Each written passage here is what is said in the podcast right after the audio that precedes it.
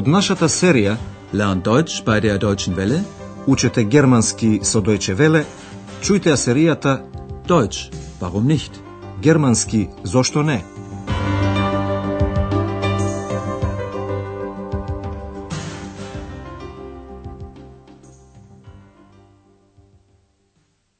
Liebe Hörerinnen und Hörer. Добар ден, почитувани слушателки и слушатели. Ја слушате четвртата лекција од првата серија под наслов Кој сте вие, ве молам? Веа зинзибите? Во последната емисија ги запознавте главните личности на нашиот курс. Еден од нив е Екс, кој е невидлив, меѓутоа добро се слуша. Hallo? Da bin ich. Потоа Андреас, кој работи на рецепцијата во Хотел Европа. Таму што туку пристигнува доктор Тирман со такси. Него го пречекува и поздравува шефицата на хотелот, господја Бергер. Слушајте го диалогот и обрнете внимание како господја Бергер го поздравува господин доктор Тирман. Ah, Herr Dr. Thürmann, einen wunderschönen guten Abend. Guten Abend. Herr Schäfer, das ist Herr Dr. Thürmann. Guten Abend, Herr Dr. Thürmann. Abend. Psst, Ex. Вистина, мошне учтиво поздравување. Господја Бергер го ослови господин доктор Тирман со неговата титула доктор, доктор и му пожела пријатна вечер. Чујте го тоа уште еднаш. Ah, Herr Dr. Thürmann, einen wunderschönen guten Abend. Учтивото и љубезно поздравување не е несекојдневно. Доктор Тирман е редовен гостин во Хотел Европа, а редовните клиенти се поздравуваат посебно љубезно. Секако дека тие го очекуваат тоа. За жал, Андреас не е толку внимателен. Пред да прејдеме на тоа, најпрвин да ви ги објасниме модалитетите на поздравувањето. Добар ден, гутен так, веќе ви е познато. Guten Tag, liebe Hörerinnen und Hörer. Добро вечер, гутен абнд, се вели навечер. Guten Abend. Доколку некого познавате, учтиво е ако го поздравите со неговото име. Guten Abend, Herr Dr. Thürmann. А екс вели здраво, хало. Hallo? Hallo? Abend. Вистина, мошне секојдневен речник. Да се вратиме кај Андреас, на рецепцијата на Хотел Европа. Телефонот звони. Чујте го почетокот на разговорот. Ваша задача е да откриете кој се јавува и што бара тој.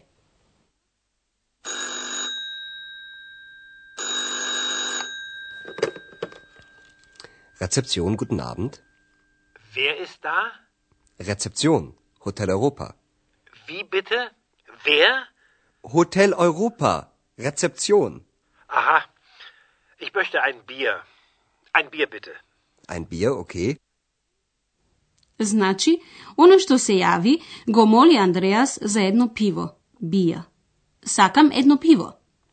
А вие, почитувани слушателки и слушатели, сигурно откривте дека станува збор за господин доктор Тирман. За жал, Андреас не го препозна и нормално прашува. А кој сте вие, ве молам? Und wer sind Sie bitte? Андреас праша за да знае кој порача пиво и во која соба да го однесе.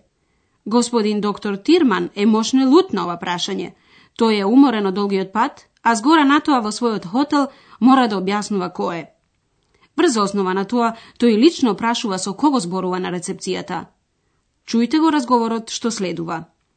Обрнете внимание на учтивото обраќање со вие, зи. Und wer sind Sie bitte? Türmann.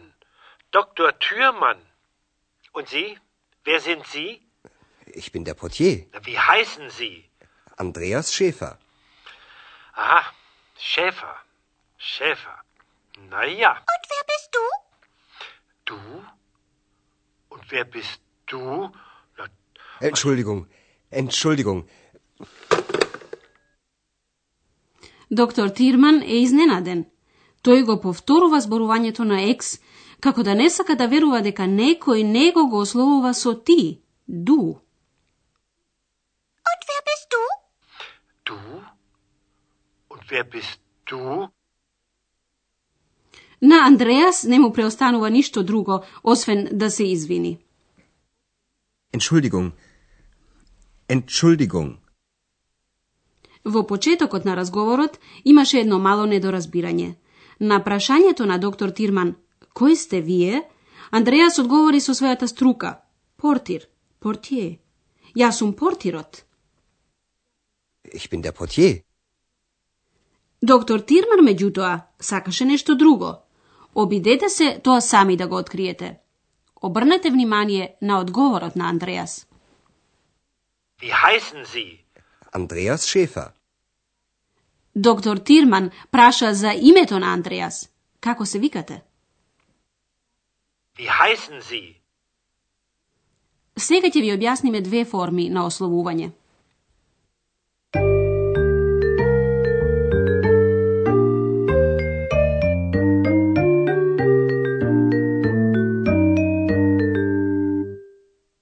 Во германскиот јазик има две можности за ословување.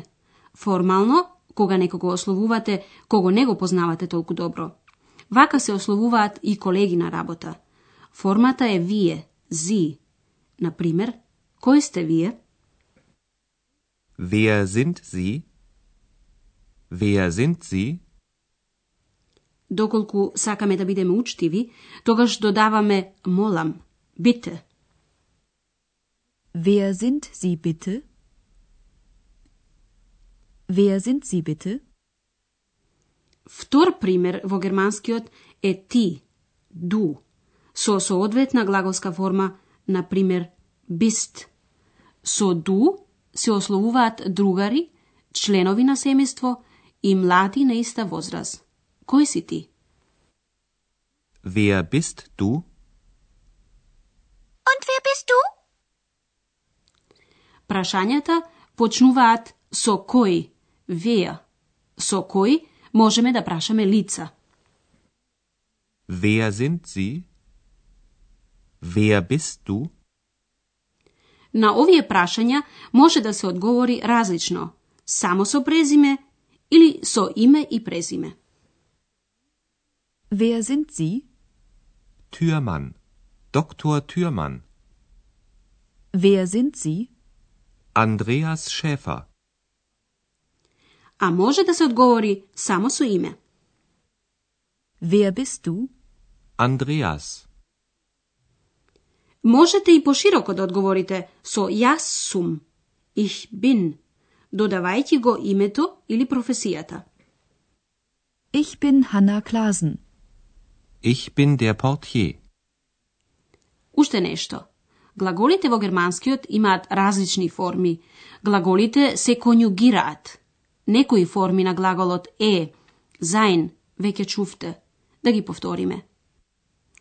Трето лице гласи е, ист.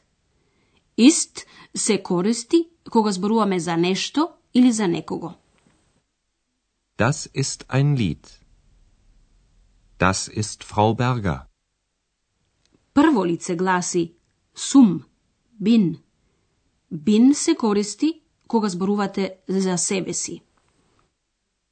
Ich bin der Portier. Da bin ich. Второ лице во учтива форма гласи сте, sind. Wer sind Sie? Wer sind Sie? Во пријателско, другарско ословување, второ лице гласи си, bist. Wer bist du? Wer bist du? Во сите досегашни примери, глаголот се наоѓа на второ место во реченицата. Во германскиот, ова важи кога нешто кажуваме, на пример, ова е една песна. Das ist ein Lied. Das ist ein Lied. Ова важи за прашања со прашалната заменка како кој, „Веа“, кој си ти? Веа bist?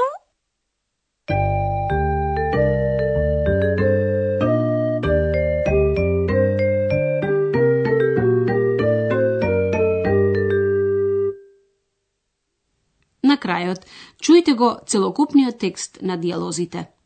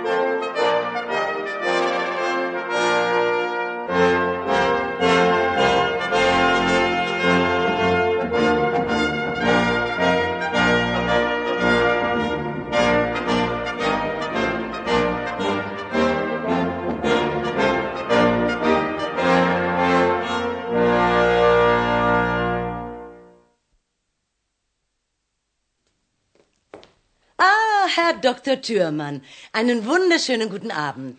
Äh, guten Abend. Herr Schäfer, das ist Herr Dr. Thürmann. Guten Abend, Herr Dr. Thürmann. Guten Abend. Psst, Ex. Psst. Nešto podocna, dr. Tirman se javuva na recepcijata.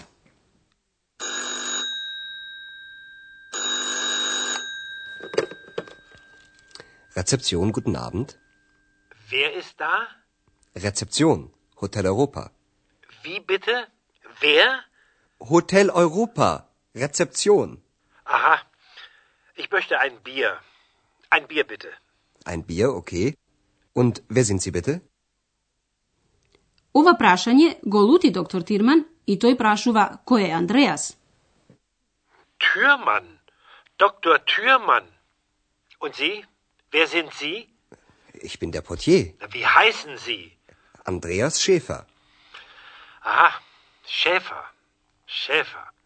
Na ja. Und wer bist du? Du? Und wer bist du? Na, Entschuldigung, Entschuldigung.